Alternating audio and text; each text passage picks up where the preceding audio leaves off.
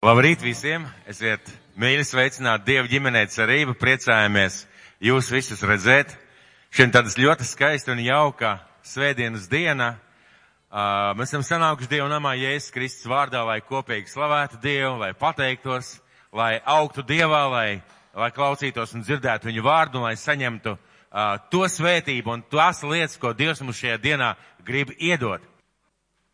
Es gribētu aicināt un dot iespēju kādiem cilvēkiem, kur gribētu liecināt, varbūt liecināt un pateikt, ko Dievs darīs viņu dzīvē. Droši, ja ir kāda laba liecība, lūdzu, Indra nāc priekšā. Liecināsim, pateiksim arī pārējiem, pastāstīsim par Dievu darbiem savā dzīvē. Jā, lūdzu. Labdien! Es gribu pateikties Dievam paldies par šīm 14 dienām, ko viņš darīja manā dzīvē, kad viņš vienkārši man iedeva atvaļinājumu. Tas ir pirmoreiz mūžā man atvaļinājums.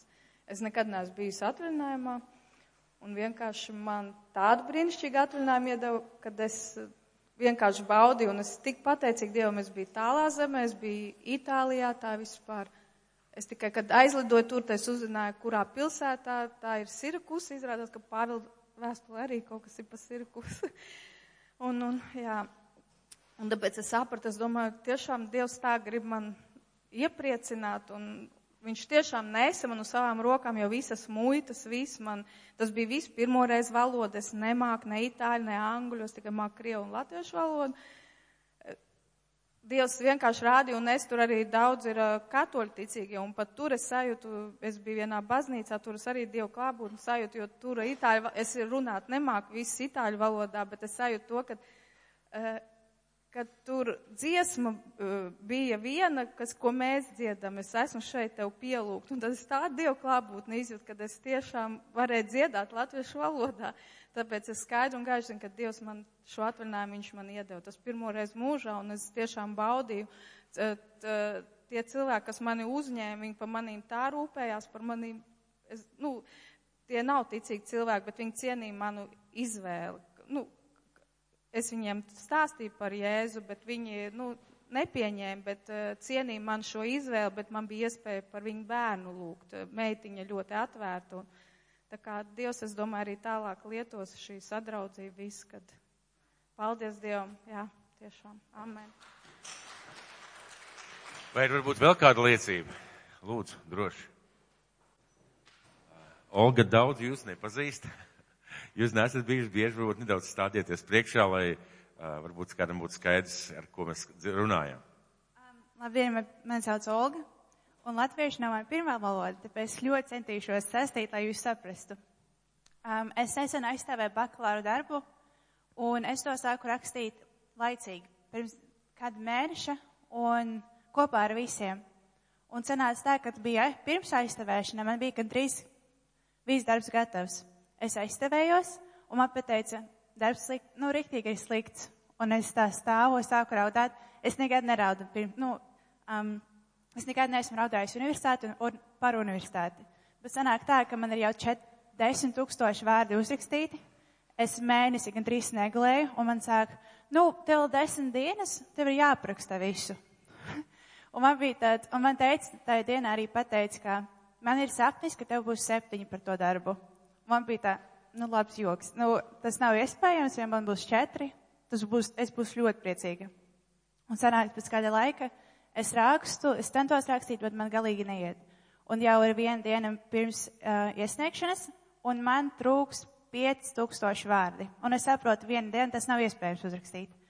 Un tad pēdējā dienā es vispār negulēju, rakstīju, un tā, tā trūks 2000 un aizgāju pie administrācijas prasīt, lai es tad nodotu ziemā.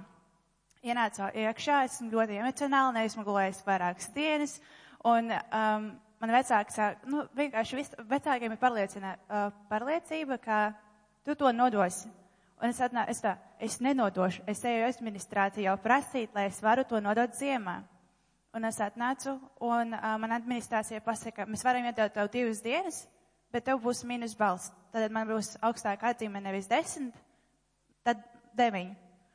Un tā, nu labi, es pamēģināšu. Man nav ko um, zaudēt, paldies.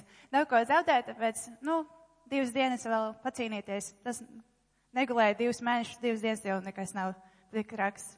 Es uzrakstīju uh, darbu divas dienās, iesniedzu.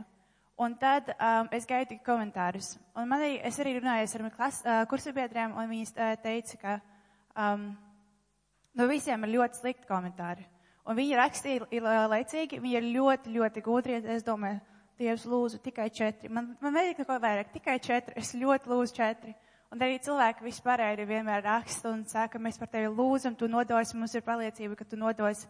Vecāki joprojām domā, tev būs septiņi un augstāk, bet tā, man lūdzu tikai četri, tikai četri. Dabūju savus komentārus. Es pirmo reizi izlasīju, man bija tāds, tas nav iespējams. Man bija parāk labi komentāri. Es aizsūtīju savu draugiem, varbūt man kaut kas, nu, es, nu, nevaru izlasīt, un viņi pateica, tev ir ļoti labi komentāri. Tad man bija uh, aizstāvēšana. Un es ļoti, ļoti uztraucos, un es pat nevarēju uzrakstīt savu runu. Bet vienkārši lūdzu, un vecāki lūdzu, un arī vecmāmiņa visu laiku zvanīja, es par tevi lūdzu, viss būs kārtībā, es tevi svētu. Un tad ir aizstāvēšana, un man pirms 20 minūtēm es vispār strīcu. Es nekad man patīk runāt um, publikā, bet es strīcu, es nevaru runāt, es nevaru elpot. Un man bija tāda panika. Ienācu iekšā, kur vajag aizstāvēt, un miers. Vienkārši miers. Un, uh, protams, ka pirms es palūdzu, un arī vecāki lūdzu, es aizstāvējos, iznācu ārā. Un, un visi mani, kas klausījās, saka, bija ļoti, ļoti labi. Man, tā, man vienīgais, vajag četri, vienkārši četri. Ienācu, ienācu atpakaļ, un komisija saka, es, mēs ļoti gribētu, lai tu to darbu iesniedz laicīgi. Bet tā kā tu neiesniedzi, mēs, mums bija jā- jāpaņem vairākus punktus nost, un tev ir septiņi. Un man bija tāds, wow. Tāpēc paldies Dievam par to, ka, jo man bija, es tiešām, es um, necerēju, necerēju, ka man būs pat četri, jo es zinu savu darbu, bet es izdarīju tā, ka man bija septiņi, paldies Dievam. Paldies. Paldies. Jūs, Olga, nemaz nezināt, eh, ka jūs sagatavojāt, sagatavojāt zāli tam vārdam, ko es biju sagatavojis šodien. Un vārds saucās daudz vairāk. Vārds, ar kur es gribu dalīties šajā dienā, tā arī saucās daudz vairāk.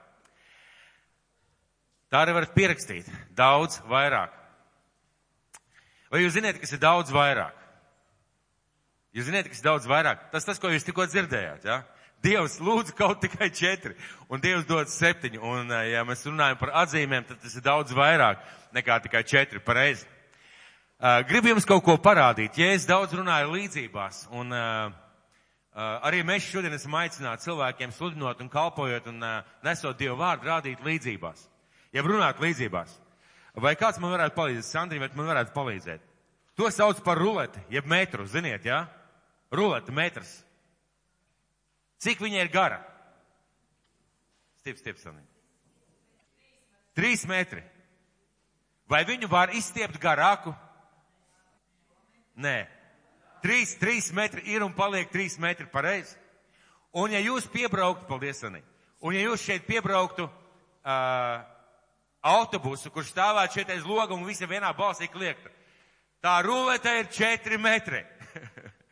es pavilktu vaļā un pateiktu, piedodiet, jūs kļūdījāties, vairāk par trīs metriem nesanāk. Un pat ja mēs ļoti stieptu vai, vai staipītu, teiksim, mēs viņu tikai salauztu un sabojātu, bet vairāk par trīs metriem nesanāk. Vienkārši tik daudz ir un vairāk nav. Uh, vai jūs ticat, ka ja jūs trenētos, uh, kurš šeit tāds jaunāks cilvēks, Kristap, kā tev liekas, cik tu vari pārliekt? Metru. Vai tu tici, ka ja tu trenētos, tu varētu pārliekt ne- nedaudz, nedaudz vairāk? Metru un trīs centimetrus, piemēram, varētu? Uh, Emīl, kā tev liekas, cik tu varētu pacelt kilogramus? Neesi tik pieticīgs kā Kristaps, ja neesi tik pieticīgs. 50 mierīgi, ja? Ar vienu roku, vai ne? Labi, labi. Vai tu tici, ka ja tu trenētos, tu varētu pacelt vairāk? Tici, ja? Paldies tev par tavu ticību. Kur sākās uzvara vai izmaiņas mūsu dzīvē? Kur sākās uzvara vai izmaiņas mūsu dzīvē? Ja tev ir redzējums, piedzīvot, sasniegt, izdarīt kaut ko vairāk, tad tavā dzīvē sākās izmaiņas. Tu gribi vairāk, tu meklē vairāk, tu trenējies vairāk, tu dari kaut kādas lietas, kas tavā dzīvē atnes vairāk, atnes vairāk. Un tu arī vari vairāk. Tad tu ej uz to mērķi, lai būtu vairāk. Tev ir redzējums, ka tu gribi vairāk. Tu ej kaut ko dari uz to mērķi, lai būtu vairāk. Rezultātā tu vari vairāk. Rezultātā tu vari vairāk. Tas ir vienkārša lieta. Un vai jūs zināt, ka ar Dievu var daudz vairāk? Jūs zināt to, ka ar Dievu var daudz vairāk. Mēs sev noliekam reizēm tādu latiņu, tā kā Olga teica, ja, Dievs, nu kaut vai četri, un es ticu, ka Olga bija patiesa. Es ticu, ka Olga bija patiesa, un no malas izklausījās. Bet Dievs var daudz vairāk. Un ar Dievu vai, var, daudz, var daudz vairāk. Kas ir, uh, kas ir tas mūsu ticības mērs, ko mēs jau bieži esam nolikuši? Bieži mēs esam nolikuši tādu ticības mēru, tam tieciek, pietiek manas ticības, tā es ticu, tā es dzīvoju, tāda ir mana ticība, un tas ir tas mērs, pēc kura es dzīvoju. Kāds ir tas mērs, ko mēs noliekam savai dzīvei?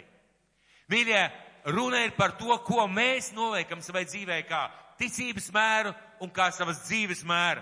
Mēs esam pieņēmuši un uh, mēs tādā veidā arī uh, dzīvojam. Ļoti bieži mūsu dzīvē notiek tieši tādas lietas. Un daudz ticīgi cilvēki dzīvo ar tādu skatījumu, jau ar tādu mērķi, par tādu domu. Dzīvošu, dzīvošu, dzīvošu ar Dievu, un tad jau redzēs. Tad jau redzēs, kas būs, kā būs, tad jau redzēs, un cilvēki cer uz nejaušību. Cer, ka vienkārši pats no sevis nejaušām kaut kas notiks. Un uh, viņi redz Dievu kā tādu nejaušības Dievu vai kā labas laimes Dievu.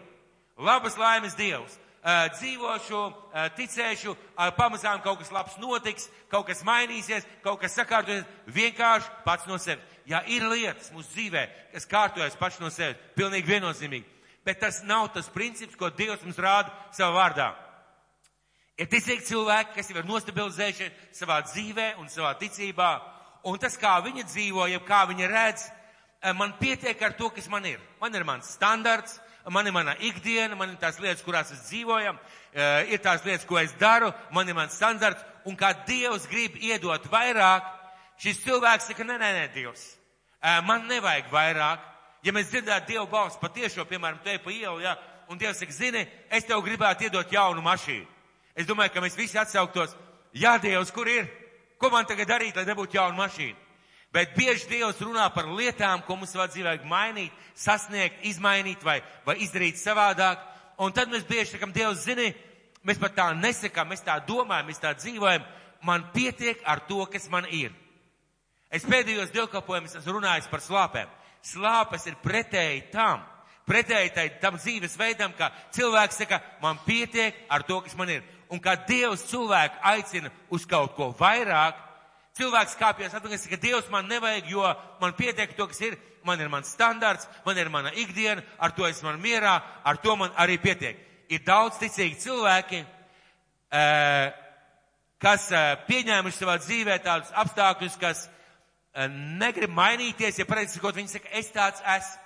Viņi pieņēmuši kaut kādu lietu, viņi saka, es tāds esmu, man ir tādi apstākļi, es esmu tāds pazemīgs, es nepēc kā īpaši nezinos, es esmu samierinājies ar to, kas ir manā dzīvē, bieži vien lietojot šo vārdiem, domājot, ka tā, tā ir tā pazemība, ko Dievs vēlās mūsu dzīvē iemu, iema, iemācīt. Un tad, kad Dievs grib iedot, cilvēks nav gatavs ņemt, jo viņš saka, es neesmu pelnījis. Es to nevarēšu. Man tas nesanāks. Es to nemācēšu. Man tādā veidā nesanāks. Un cilvēks arī kāpjas atpakaļ un nesaņem to, ko viņš varētu saņemt no Dieva. Es jau nevarēšu, un ar to man pietiek. Ja tā, ja tāda ir mūsu ticība, ja tāds ir mūsu dzīves ceļš, neatkarīgi no apstākļiem un neatkarīgi no vecuma, tad ziniet, ko es jums pateikšu? Ja tā domātu sinagogas priekšnieks, mēs zinām šo stāstu, Jāiru, Jāiru, ja? Ja tā domātu sinagogas priekšnieks Jāirs, Viņš apglabātu savu meitiņu un visu mūžu raudātu par to, ka viņam nebija uh, iespējas meitiņu glābt. Jūs ziniet šo stāstu par Jāiru. Ja tā domātu tie divi aklie, kas kliedza un viņus nevarēja apklusināt, Jēzu, tu Dieva dēls, apžēlojies par mums, jeb Dāvidāls apžēlojies par mums, viņi tā arī nekad neieraudzītu saules gaismu. Ja viņi tā domātu, man pietiek ar to, kas man ir. Ja tā domātu, tā sirofeniķiete, par kur mēs lasām, kā jēs ar viņa, ka viņa iet pakaļ kliedz mācekļiem, viņa kliedz pakaļ mācekļiem, apžēlojas par mantu Dāvidāls. Jēzus klusē, mācekļi nāk pie iesaka, klausies, Jēzus tā sieviete visu laiku kliedz mums pakaļ. Nu izdara taču kaut ko. Un Jēzus saka, neklājās maizīt mēs suņiem. Un viņa šī sieviete, viņa neatlaidīga, viņa, viņa iet pakaļ Jēzum un saka, jā, bet sunīši ēd no tā galda, no tām tiem labumiem, kas krīt no saimnieka galda. Ja viņa tā būtu domājusi, ka viņa ar to pietiek, ka viņa nevēlas neko saņemt, vai ka viņa nav pelnījusi, vai ka viņai nesanāks, viņa tā arī nekad neieraudzīja savu meitiņu atbrīvot. Un mēs savā dzīvē, ja mēs samierināmies ar lietām, ja mēs pieņemam lietas vai pieņemam standartu, kurā mēs dzīvojam un neskatāmies uz priekšu, ja mums nav redzējums par lietām, kurā, uz kurām mēs tiecamies nākotnē, mēs tādā veidā mīļā dzīvojam. Jā, ir lietas, kas mūsu dzīvē notiek netīšām, nejauši. Piemēram, ļoti netīšām un nejauši, kā cilvēks man nedaudz nesen svētīja. Vienkārši nesen svētīja, un tas man bija milzīgs pārsteigums. Bet viņš svētīja ne tāpēc, ka es sēdēju savā beņķī vai sēdēju savā krēslā. Tas nebija tāpēc. Bija kādas lietas, ko es darīju, gāju uz priekšu. Un uh, svarīgi to ieraudzīt. Dievs šodien grib tev pateikt, ka Dievam priekš tevis ir daudz vairāk. Vai tu spēj noticēt, ka tavā dzīvē un tavā garīgajā dzīvē arī, gan materiālajā, gan garīgajā dzīvē, Dievam priekš tevis ir daudz vairāk? Jūs spējat tam noticēt? Olga, vai tu spēj tam noticēt? Tagad tu spēj, ja? Vai jūs spējat tam noticēt, ka Dievam priekš mums, priekš mūsu dzīves ir daudz vairāk, nekā mēs spējam domāt, saprast? Un Dievam priekš manis ir daudz vairāk. Mēģināsim to šodien par to runāt un mēģināsim tādā veidā skatīties. Pāvila vēstule Efeziešiem, trešā nodaļa. Pāvila vēstule Efeziešiem, trešā nodaļa no 8. līdz 21. pantam. Un ja tu nepaņem tagad savu bībeli, kā tu zināsi, ko Dievs tev grib iedot? Tad Pāvila vēstule Efeziešiem, trešā nodaļa, 8. līdz 21. pants. Šķiriet vaļā vēstuli efeziešiem, trešā nodaļa, no 8. līdz 21. pantam. Lasīsim kopā lēnām un uzmanīgi. Un tas, ko es gribētu šodien tev pateikt, neatkarīgi no tā, kas ir tavā dzīvē, un neatkarīgi no tā, kas ir tavā ticības dzīvē, tev ir jānotic, ka Dievam ir daudz vairāk priekš tevis. Dievam ir daudz vairāk priekš tevis, priekš tavas dzīves, priekš tavas garīgās dzīves, priekš tavām lietām, priekš viss tā, ko Dievs ir ielicis tavā dzīvē un ko viņš vēlās tev vēl iedot. Tātad apstulu eh, Pāvila vēstuli Efeziešiem, trešā nodaļa, 8. līdz 21. pants. Un Pāvils raksta tā. Man, vismazākajam starp visiem svētajiem, dota šī žēlastība, pagānu tautām pasludināt Kristus neizdibināmo bagātību un rādīt, kā ir piepildījies lielais noslēpums, kas no laiku laikiem bija apslēpts visu radītājā dievā. Un Pāvils saka, man ir uzticēta tā žēlastība, parādīt jums cilvēki, kā piepildās tas noslēpums, kā piepildās tas dieva plāns par pasaules glābšanu, kas dievam bija jau pirms pasaules radīšanas. Tas nozīmē, tas nozīmē, ka dievam jau bija ideja. Lasam vēlreiz. Tātad 8, 3. nodaļa no 8. panta. Man, vismazākajam starp visiem svētajiem, ir dota šī žēlastība pagānu tautām pasludināt Kristus neizdāvināmo bagātību. Un rādīt, kā ir piepildījies lielais noslēpums, kas no laiku laikiem bija apslēpts visu lietu radītājā Dievā. Tātad noslēpums par Kristus nāvi un augšām celšanos lai tagad ar draudzes starpniecību visām varām un spēkiem de debesīs Dieva daudzveidīgā gudrība kļūtu zinām.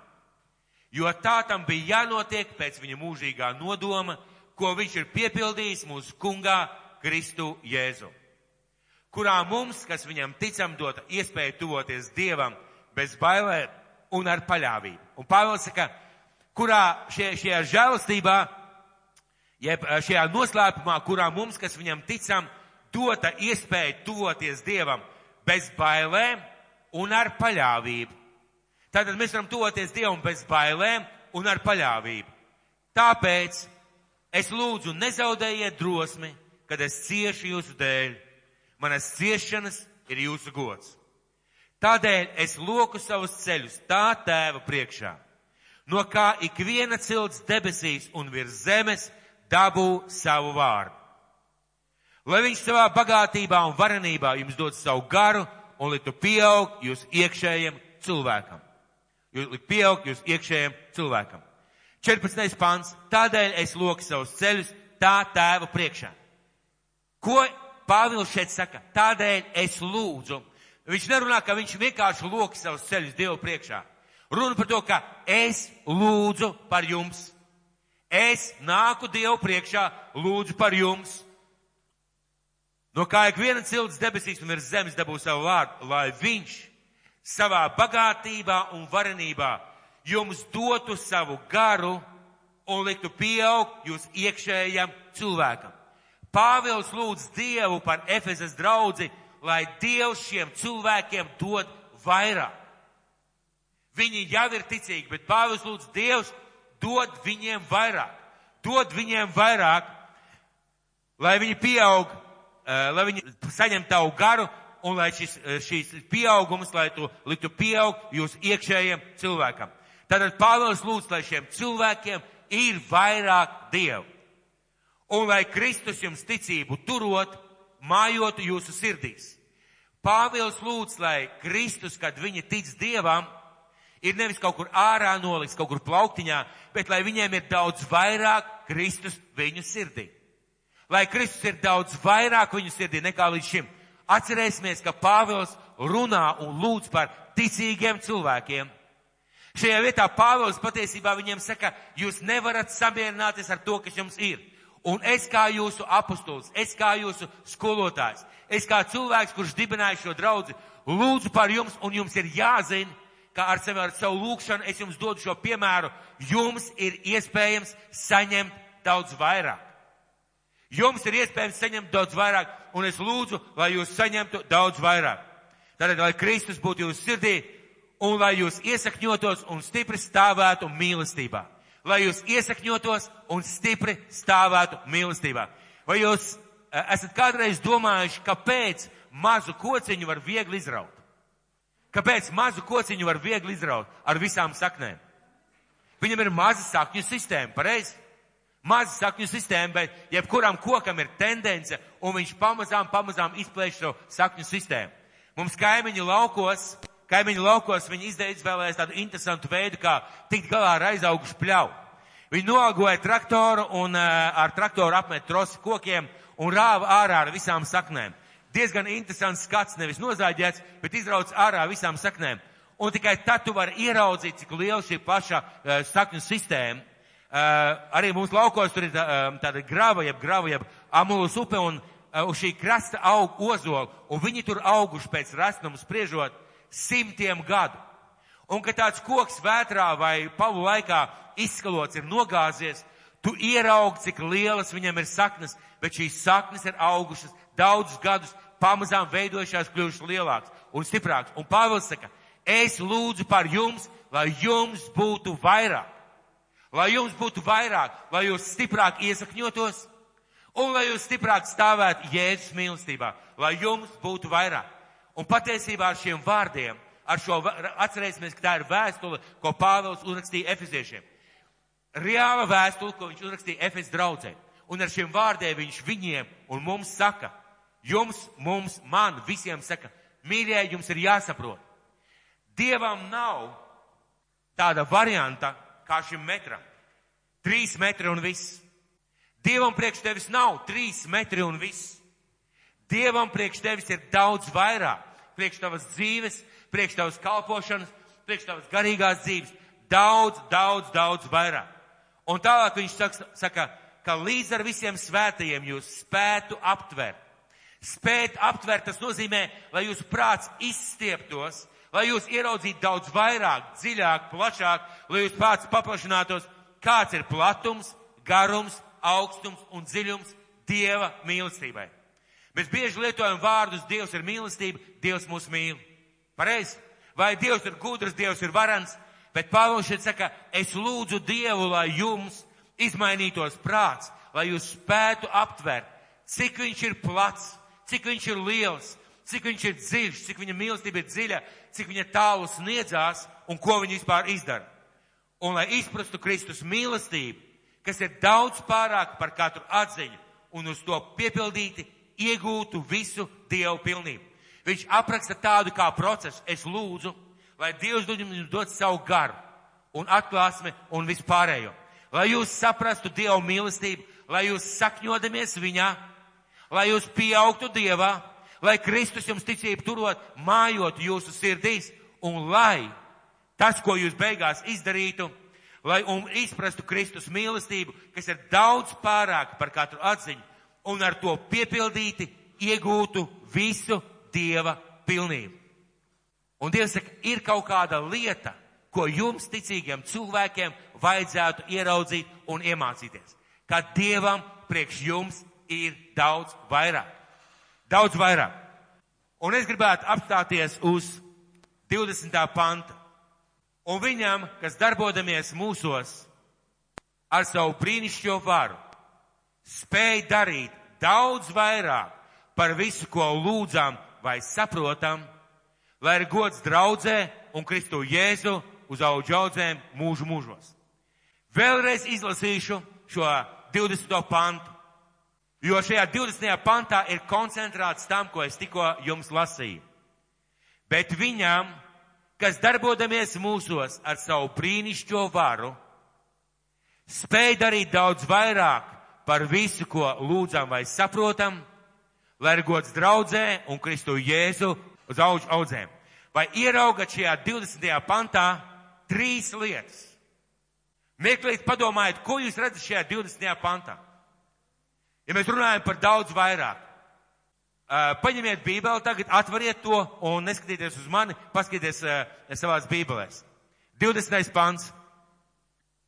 Spēj darīt daudz vairāk. Spēj darīt daudz vairāk tās ir viņa rūpes par mums. Un kur mēs ieraugam redzējumu, kur mēs ieraugam redzējumu mūsu dzīvē par visu, ko lūdzam vai saprotam. Par visu, ko lūdzam vai saprotam. Palasīsim vēlreiz. Tātad, bet viņam, kas darbodamies mūsos ar savu brīnišķo varu, tā ir vadība, spēj darīt daudz vairāk, tās ir Dieva rūpes, un redzējums, kas mums būtu jābūt, kuram mums būtu jābūt, vairāk par visu, ko lūdzam vai saprotam. Daudz vairāk par visu, ko lūdzam vai saprotam. Man ļoti uzrunā šis vārds daudz vairāk. Cik priekš cilvēka ir daudz vairāk? Kad cilvēks saka, es tev došu kaut ko tik, uh, bet tu vari dabūt daudz vairāk. Cik tas ir? Tas ir līdzīgi kā, kad kāds cienā uz savā dzimšanas dienā ar konfektēm. Ņem vairāk ņem divas. Vai trīs, jā? Ja? Kas ir sevišķi pieklājīgs, saka, ņem trīs, jā? Ja? Kad jūs cienājat kādu ar konfektēm, viņš paņem vienu konfektu, jūs viņam sakat, ņem vairāk, ņem divas. Tas tā cilvēcisks mērs nedaudz vairāk. Kā Dievs saka, daudz vairāk. Iedomājieties Dieva mērogus, un Dievs lieto vārdu daudz vairāk. Tas ir neizmērojami daudz vairāk, nekā mēs spējam lūgt vai saprast. Pēc Dieva mērogiem pat Dievs saka nevis drusciņ, nevis vairāk, viņš saka daudz vairāk. Tas nozīmē, ka tev piedāvā konfekšu fabriku. Tev kāds cilvēks saka, ņem vairāk, ņem divas konfektītes. Un Dievs saka, tu gribi dabūt daudz vairāk. Reko es izrakstīju tev pilnvaru, tu esi konfekšu fabrikas direktors. Un tie iet jau konfekšu fabrikā un saka, šī tas viss man, Lai Dievs svētī, ka mums kādā, kādam dzīvē tā būtu, jā? Ka dzīvē kādam tā būtu. Bet tādā daudz vairāk. Jā. Sāksim runāt par vadību. Tātad, kur iet runa par, par, par vadību? Viņam, kas darbodamies mūsos ar savu brīnišķo varu. Svētais gars ir tas, kas darbojās mūsu dzīvē. Svētais gars ir tas, kas mūs vada. Svētais gars ir tas, kas mūs maina, kas mūs pārliecina Un svētais gars runā uz cilvēka garu. Un kad Pāvils šeit raksta, ka viņ, viņš darbojās mūsu ar savu brīnišķīgo varu, viņš runā par to, ka svētais gars mūsu dzīvē kaut ko dara, ka viņš mūs cenšas vadīt, un tāpēc ir teikts, ka ir vajadzīga svētā gara kristība, Tāpēc ir teikts, ka mums ir vajadzīgs piepildīties ar svēto garu. Tāpēc ir teikts, ka mums vajag staigāt svētajā garā. Jo, jo pilnāk mēs ar svēto garu esam, jo Dievs var izdarīt vairāk šajā vadības ziņā. Šajā vadības ziņā viņš var runāt, un mēs varam saprast, un uh, būt, mums vajag jācenšas būt kristītam, būt piepildītam, būt atjaunotam un meklēt svētā gara vadību. Tātad pirmā lieta - vadība, svētais gars cenšas mūs vadīt. Otrā lieta, otrā lieta, par ko es gribēju šodien teikt, spēj darīt. Spēj darīt. Vispirms es gribētu jautāt, kā jūs domājat, vai Dievs vēlās darīt mūsu dzīvē vairāk? Kā tu domā, Katrīna? Nu, kā tu to spriedi? Kā jūs domājat, vai Dievs vēlās vairāk mūsu dzīvē darīt? Viņš ļoti vēlās vairāk mūsu dzīvē darīt. Viņš ļoti vēlās vairāk mūsu dzīvē darīt. Kāpēc? Viņš radīja cilvēkus ne tāpēc, lai cilvēks dzīvotu tādu nīkulīgu nožēlojumu dzīvi. Dievs radīja cilvēku, lai cilvēks dzīvotu pilnvērtīgās, dziļās attiecībās ar Dievu. Un caur šīm attiecībām lai Dievs varētu svētīt cilvēku, lai varētu mainīt apkārtējo pasauli, kad mēs pieņemam Kristu par savu kungu un savu glābēju, kad mēs atdodam Dievam savu sirdi, mums parādās šī iespēja iet no spēka uz spēku, no spožuma uz spožumu, un rakstīts, ka to dara tā kunga gars. Tātad Dievs pirmām kārtām vēlās darīt daudz vairāk. Tieši tāpēc, ka viņš atnāca šo zemi, tieši tāpēc Jēzus atnāca šo zemi. Tieši tāpēc Jēzus nomira par mūsu grēkiem un cēlās augšā. Tieši tāpēc viņš dod mums savu svēto garu, lai mēs varētu saņemt daudz vairāk. Vai jūs atceraties tādu uh, izcilu uh, definīciju, ko, ko Jēzus pateica šim spitālīgiem cilvēkam? Spitālīgs cilvēks atnāk pie Jēzus un saka, kungs, ja tu vēlies, tu vari mani šķīstīt.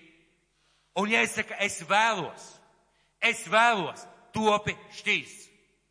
Dievs vienmēr vēlās, Dievs vienmēr vēlās uh, svētīt mūs. Dievs vienmēr, jo viņš ir labs, viņš ir mīlestības pilns Dievs.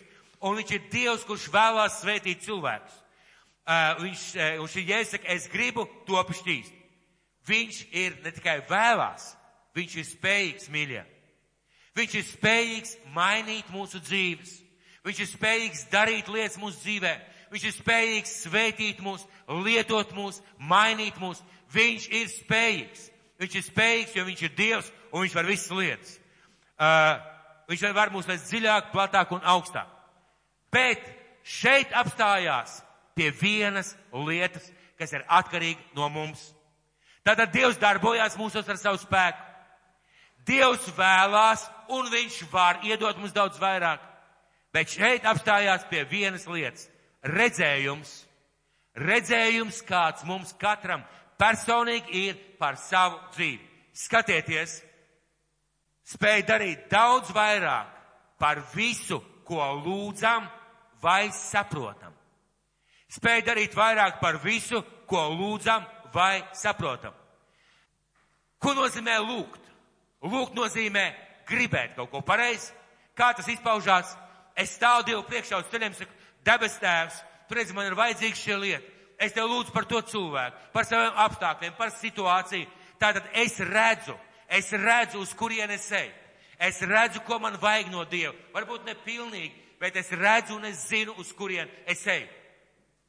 Tātad lūdzam, un otra lieta, vai saprotam. Tātad redzam savā galvā. Viena lieta ir emocijas, otra lieta, es saprotu savā galvā, kāpēc man to vajadzētu. Kāpēc man, piemēram, vajadzīga veselība? Kāpēc man vajadzīga finansiāla palīdzība? Kāpēc man ir vajadzīgs kalpot Dievam? Kāpēc man ir vajadzīgs spēks kalpot Dievam? Es ar sirdi jūtu un es lūdzu, ar prātu es saprotu.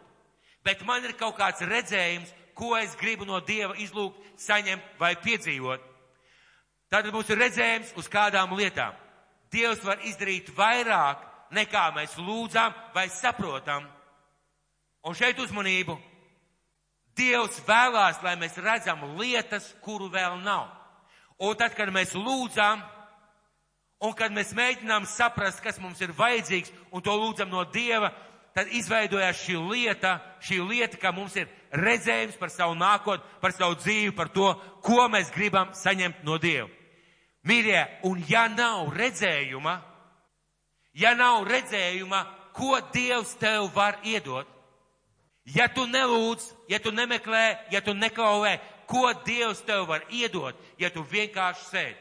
Un šajā vietā Pāvils saka, ka Dievs var jums iedot daudz vairāk, nekā jūs lūdzat, jeb šobrīd redzat, nekā jūs saprotat, jeb šobrīd domājat, bet jūs lūdzat un jūs saprotat.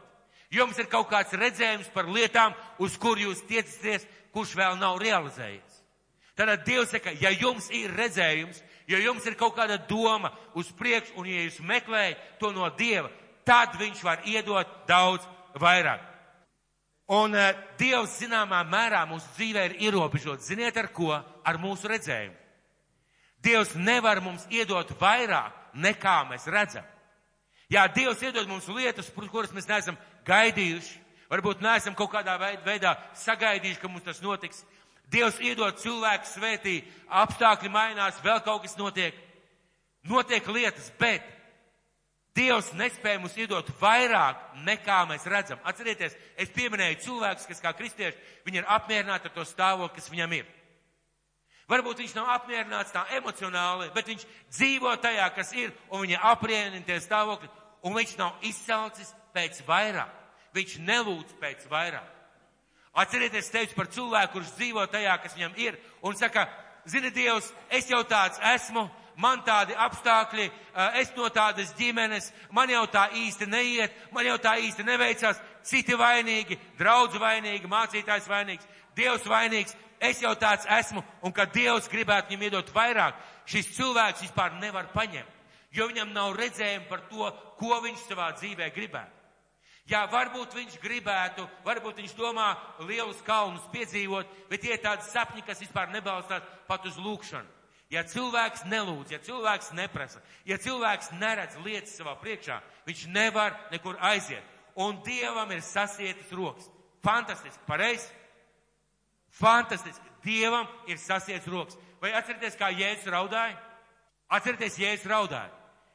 Kāpēc Jēzus raudāja? Kā jūs domājat? Viņam bija sevi žēl, ka viņš tā tērē spēkus. Viņam to koku bija žēl. Viņš skatījās uz tiem cilvēkiem, kuriem viņš tikko bija sludinājis evaņģēliju. Un viņš saprata, ka viņš kā Dieva dēls pat nespēja šo cilvēku dzīvē neko mainīt, jo viņam pietika ar to, kas viņiem bija. Viņam nevajadzēja Jēzu, Viņam nevajadzēja tādu glābēju, viņiem pietika ar rituāliem, ar tradīcijām, ar baznīcā iešanu. Viņiem pietika to, kas ir, ja es skatās un raud, jo viņi zina, ko tāda pozīcija šī cilvēka dzīvē atnesīs. Viņš zina, ka pēc pārdesmit gadiem un 80. gadā atnāca Romas imperators Konstantīns, nolīdzināja Jeruzalemu līdz ar zemi. Nevis vienkārši nolīdzināja. Bet tad, kad dega šis templis, kad dega šis templis, šī skaistā brīnišķīgā zeltu piepildītā te, celtne, šis zelts izkus un satecējis ar akmeņu spraugām. Un vēsturnieks saka, ka romiešu zaldāti visus akmeņus izcilāja, un tāpēc Bībele saka, akmens uz akmens nepaliks. Jo tas zelts bija spraugās, un viņi izcilāja visus akmeņus un savāca visu to zeltu. Ja es skatījās un raudāju, mīļie, un man ir aizdomas, ka bieži vien Kristus par mūsu dzīvi raud. Ne tāpēc, ka mēs būtu baigie grēcinieki, vai mēs dzīvotu ļoti nepareizi, bet tāpēc, ka viņš skatās un viņš zina, šim cilvēkam es gribētu iedot daudz vairāk. Bet ja viņam nav redzējuma, ja viņam nav redzējuma par lietām savā dzīvē, Dievs viņam nevar neko iedot. Dievs dod mums to, uz ko mums ir redzējums. Atcerieties šo frāzi. Dievs dod mums to, uz ko mums ir redzējums. Kā cilvēks precās, un tie, kas nesen ir apprecējušies un kuri taisās apprecēties. Kad cilvēks precās, kā tā, tas otrs cilvēks kļūst par jūsu otru pusīti? Vai nav tā, ka pirms tam jūs sākat uh, šo cilvēku mīlēt? Vai tā nav tā, ka jūs sākat domāt, ka pienāks diena un mēs apprecēsimies, mēs būsim laimīgi, balodīši, dzīvosim visu mūžu nekādas bēdas un problēmas un tā līdz sirmām vecumam un viss būs skaisti un brīnišķīgi. Bet pirmā doma, tev patīk tas cilvēks, un tu jau instinktīvi vai emocionāli iedomājies viņu kā savu otru pusīti, pareizi? Tev ir redzējums precēties ar šo cilvēku, un rezultātā ir kāzas. Rezultātā ir ģimene, pareizi? Ja kā cilvēks tiek pie mājas, Viņš tā iet vienkārši pa ielu, ja, tā iet pa ielu, hop, nokrita māja priekšā. Vai paldies, nu gan skaisti, taisni tādu gribēju. Divstāvīgi ar garažiņu un Mercedes garažā vēl stāv. Paldies tev, Dievs, par tādu māju. Kad cilvēks grib uzbūvēt vai atrast māju, viņam ir vispirms doma, es gribu savu dzīvokli vai savu māju pareizi. Tad viņš meklē līdzekļus, tad viņš taisa projektu, tad viņš kārto kaut kādas lietas. Beigās viņš būmē un tad ir māja. Tie, kas ir bijuši pie mums uh, Ziepniekalnā, pie mums mājās ciemos, uh, bieži uzdod jautājumu, tagad tāds labs rajons. Apkārt daudz stāv mājas, vienā galā Rīmī, uh, Rīmī, Maksima, otrā galā Maksima, uh, depotu, kādreiz bija turpat Jusks. Uh, tad tur ir promo, visas ekstras, uh, poliklīnika, skola, bērnārs, visas ekstras. Ziniet, kas tur gadus 50 atpakaļ bija? Pat 30 gadus atpakaļ. Pļavas bija. Bet apmēram 55, 60 gadus atpakaļ man teica atnāca un iesprauda mietu zemi. Viņam iedalīja zemi, viņš iesprauda četrus mietiņus zemē, un tur būs mana māja. Viņam bija redzējums par savu dzīvokli, un šodien mums ir dzīvoklis. No turienes sākās māja, ka tev ir redzējums, tieši tāpat arī mūsu dzīvē, tieši tāpat arī mūsu dzīvē. Es zinu, ka daudziem, daudziem savā laikā bija tāds liela vēlēšanās, kad viņi bija jauni cilvēki, iegādāties uh, labu skaņu aparatūru. Jauniešiem tagad ir ļoti vienkārši. Vakar Līva demonstrēja jaunākos uh, zinātnes sasniegumus. Zinu, ka tas nav jaunākais. Dators vienā istabā, vadu nekādu, otrā istabā maz kastīti un skaisti skan. Mūsu laikā Līviņa tā nebija. Un mūsu laikā nevarēja to nopirkt. Tas maksāja labu naudu. Tev bija vajadzīgs plats vai pazīšanās, lai nopirkt skaņu aparatūru. Man tik ļoti gribējās, mīļie, es mācījos tehniskajā skolā par šoferu autoremontu atslēdznieku. Man tik ļoti gribējās, es atradu, kur var nopirkt, bet maksāja tas naudiņu. Un man tik ļoti gribējās, ka mums mācības bija līdz pulkstenis trījiem, četriem, un turpat blakus bija autobusu parks. Un uh, man bija redzējums, es gribu nopirkt tādu un tādu aparatūru. Es ļoti gribu klausīties mūziku, visiem ir, man nav, man vecāki tādu nevarēja uh, sagādāt. Un ziniet, kas notika? Es aizgāju uz autobusu parku un es teicu, es gribētu pie jums strādāt, es mācos pa dienu, vai var dabūt vakarā kādu darbu? Viņi teica, var dabūt. Detaļu mazgātājs. Un ziniet, ko es darīju pa vakariem?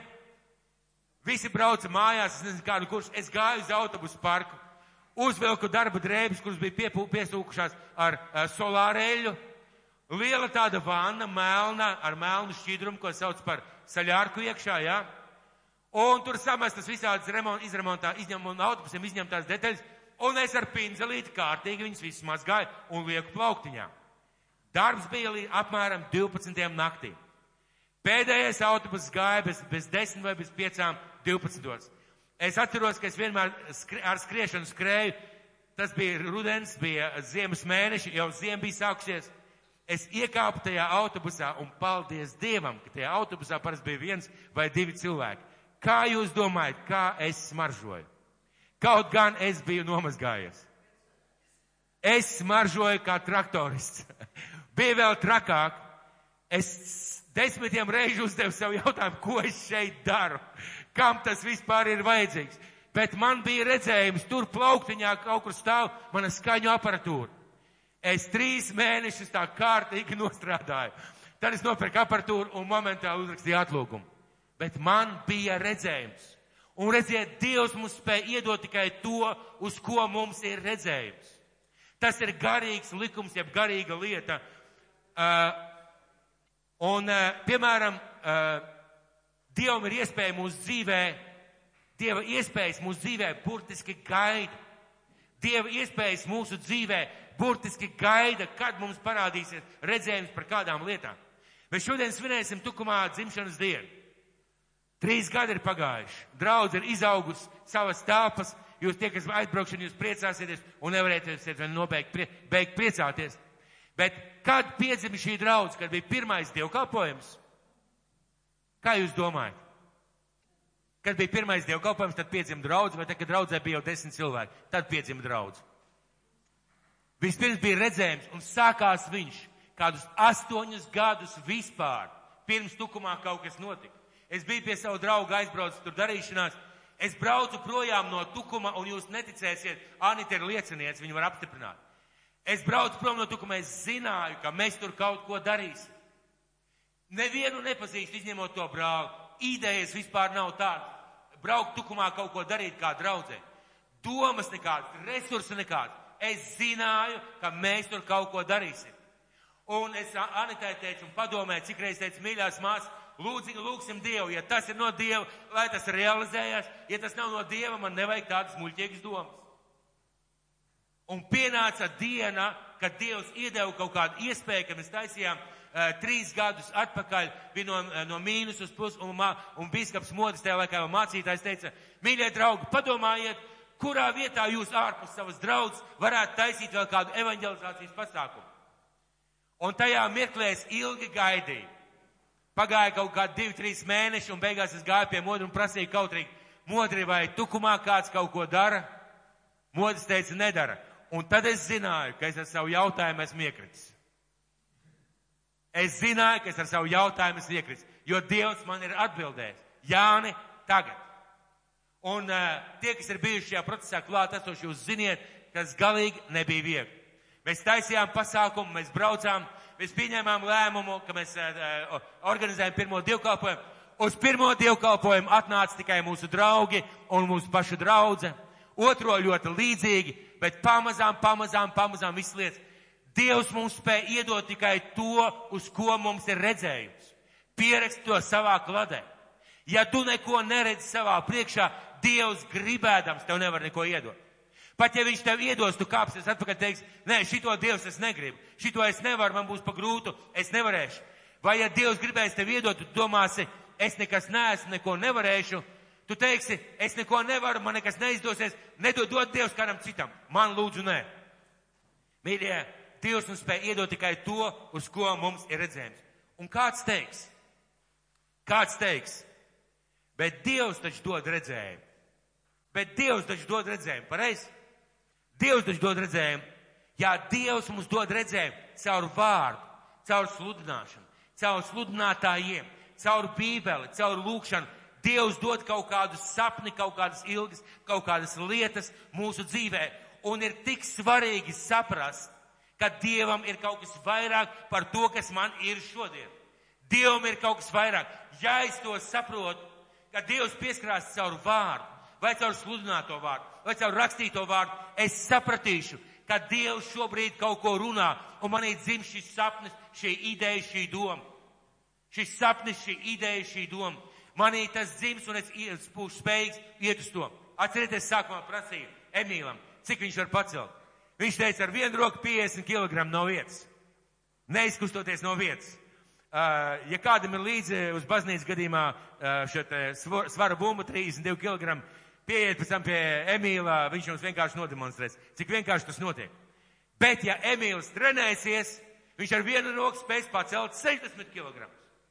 Bet trenēsies viņš tikai tad, ja viņš redzēs vai sapratīs, ka viņš gribētu un ka viņš varētu. Un tieši tādā pašā veidā Dievs darbojas mūsu dzīvē.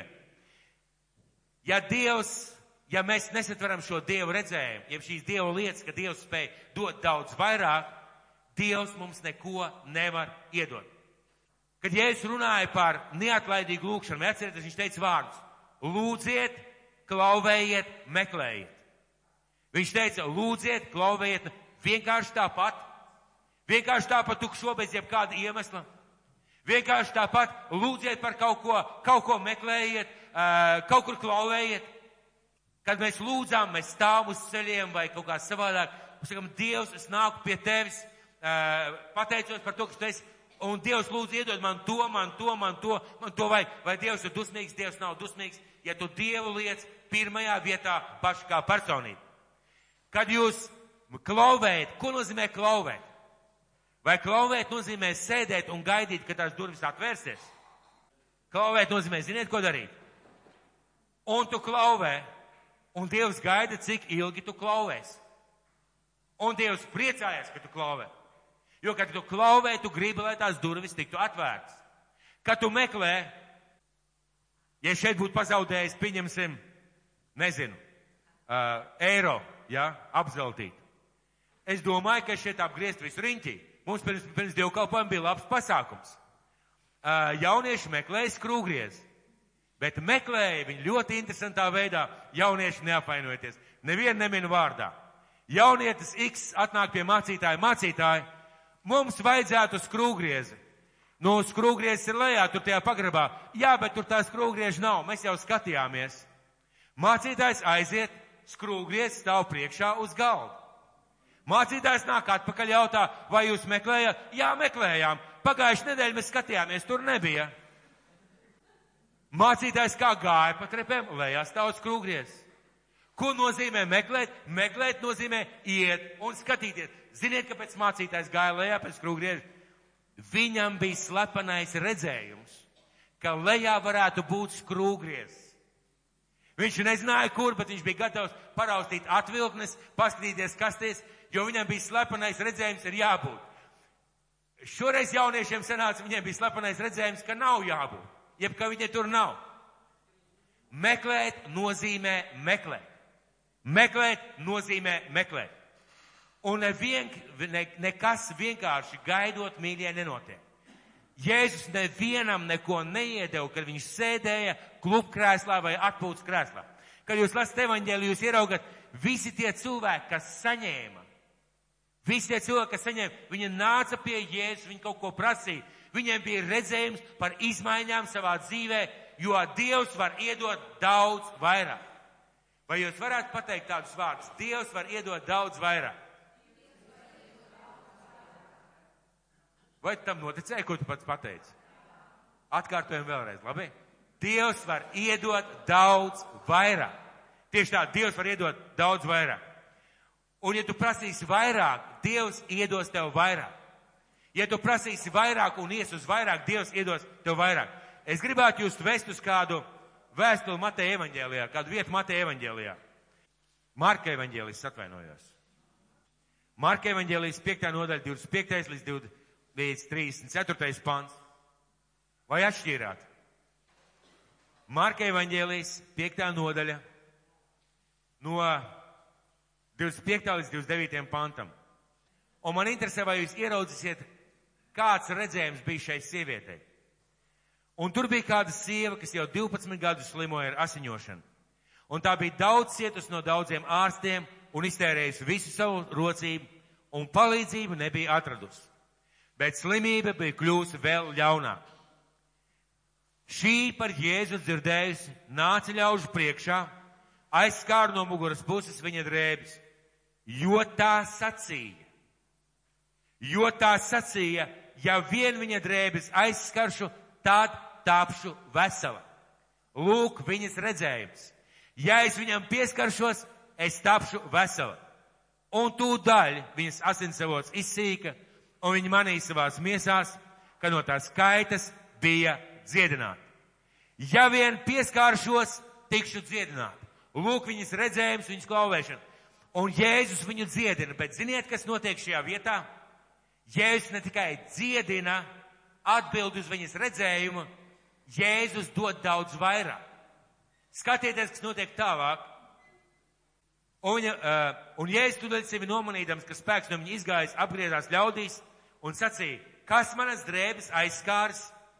Un viņa māca, ka viņam sacīja, tu redzi, ka ļaudis tev spiežas virsū, un tu saki, kas mani aizskārs? Un viņš skatījās un gribēja to ieraudzīt, kas to bija darījis. Bet sieva izbijusies un drebēdama, zinādama, kas ar viņu bija noticis, nāca un krita viņa priekšā pie zemes un pateica viņam visu patiesību. Un viņš uz to sacīja, mana meita, tava ticība tev ir palīdzējusi, ej ar mieru un paliec vesela no savas skaitas. Ko šajā vietā Jēzus izdarīja daudz vairāk? Kā jūs domājat? Ko šajā vietā Jēzus izdarīja daudz vairāk nekā viņi spēja prasīt vai darīt? Kas būtu noticis, ja Jēzus būtu tā arī aizgājis un viņa būtu palikusi dziedināta?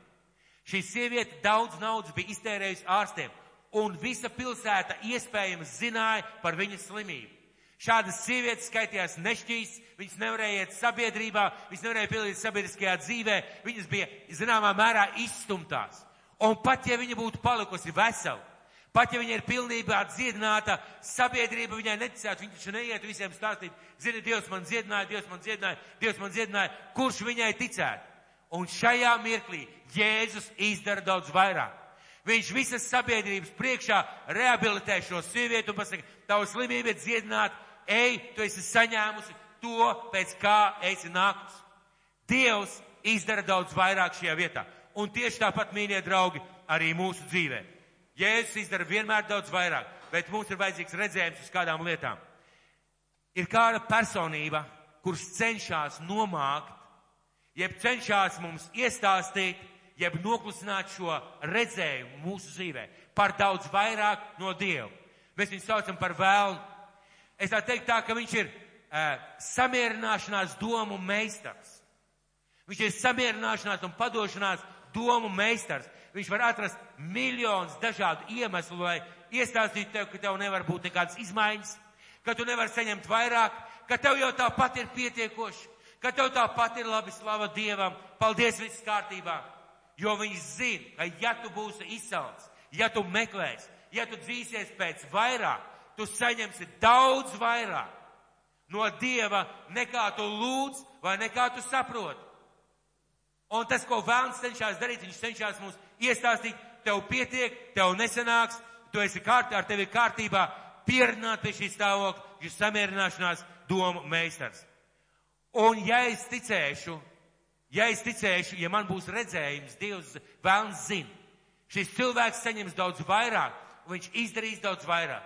Viņš būs daudz vairāk svētīts, daudz vairāk spēcīgs, daudz vairāk par svētību citiem, ko tas nozīmē, viņš to negrib. Un viņš tev saka, mīļais kristien, sēdi, kas tev ir, samierinies ar to, kā tev pietiek, viss tavā dzīvē ir labi un skaisti, vēzis tev nav, uh, pastrād diena vēl būs, kas to lai zina. Viss ir kārtībā, viss ir normāli, tev ir sava aldziņa, savu pensiju, viss ir kārtībā, neilgojies un ne, neprast daudz vairāk. Pāvils par vēstulē efeziešiem šai efeziešu draudzēji saka, mīļie ir daudz vairāk, bet lai jūs saņemtu daudz vairāk, jums ir jābūt redzējumam uz to, kas jums ir un ko jūs gribat daudz vairāk. Mēs esam aicināti rūpēties un gādāt par to, kas mums ir. Mums nevajag atstāt kaut kādas lietas, ko Dievs mums jau ir iedevis, vienkārši novārtā. Turpinām rūpēties, bet domājiet daudz vairāk. Un es gribētu atkārtot vēlreiz šo frāzi. Man ir sajūta, ka daudz cilvēku dzīvē Dievs vienkārši gaida, kad mums parādīsies redzējums, lai iedotu daudz vairāk. Viņš to ir sagatavojis, bet bez mūsu redzējuma, bez mūsu piekrišanas viņš nevar šīs lietas darīt. Un mūsu Dievs ir parūpēties par to, lai mēs sapņotu Dieva sapņus. Vēlreiz pateikšu. Mūsu uzdevums ir parūpēties par to, lai mēs sapņotu Dieva sapņus par sevi, par draudzi, par savu kalpošanu, par savu dzīvi, par savu izglītību, par savām finansēm. Mums vajag parūpēties par to, lai mēs sapņotu Dieva sapņus. Un runa ir par degošu vēlēšanos izmainīt šajā pasaulē kaut ko izmainīt garīgajā pasaulē, Dievu valstībā, savā dzīvē. Dievs vēlās un grib. Un ja tev ir tāda vēlēšanās, Dievs ir spējīgs. Ja tev ir tāda vēlēšanās, Dievs ir spējīgs. Dot daudz vairāk par to, ko mēs spējam lūgt vai saprast. Daudz vairāk par to, ko mēs spējam lūgt vai saprast. Bet, lai dabūtu daudz vairāk, vajag spēt lūgt un saprast par lietām divus soļus vai solīti uz priekšu, lai Dievs mūs varētu kaut kur vest. Kas man būtu jādara?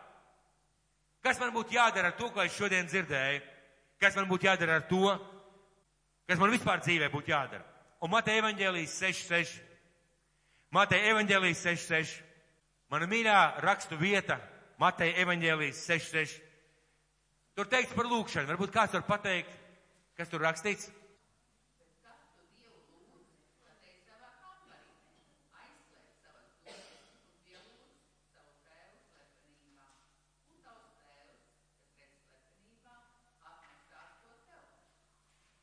Tavs tēvs, kas redz slepenībā, atmaksās to tev.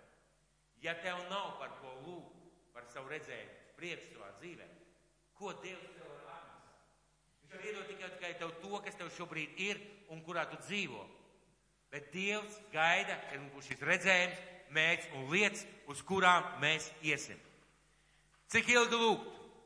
Kamēr es zinu, viņš ir dzirdējis. Un tad klausīties svētā gara balss. Svētā gara balss, kurā mirklī, kurā situācijā, ko darīt, kā darīt, kādā veidā rīkoties. Un tad arī sākt darīt. Vai mēs varētu visi kopā atkārtot šo brīnišķīgo, skaisto pantu? 20. pants izlasīsim kopā. Tātad pāstu, Pāvela vēstuli Efeziešiem, 3. nodaļa, 20. pants. 20. pants izlasīsim vēlreiz kopā. Kā mēs darīsim? Lasam, jā? Ja? Bet viņam, kas darbodamies mūsos, ar savu brīnišķo varu, spēj darīt daudz vairāk par visu, ko lūdzam vai saprotam, lai ir gods draudzē un Kristu Jēzu uz auģu audzēm mūžu mūžos. Viņš spēj, viņš vēlās, viņš var darīt daudz vairāk, nekā mēs spējam lūgt vai saprast. Lai Dievs jūs mīļie svētī.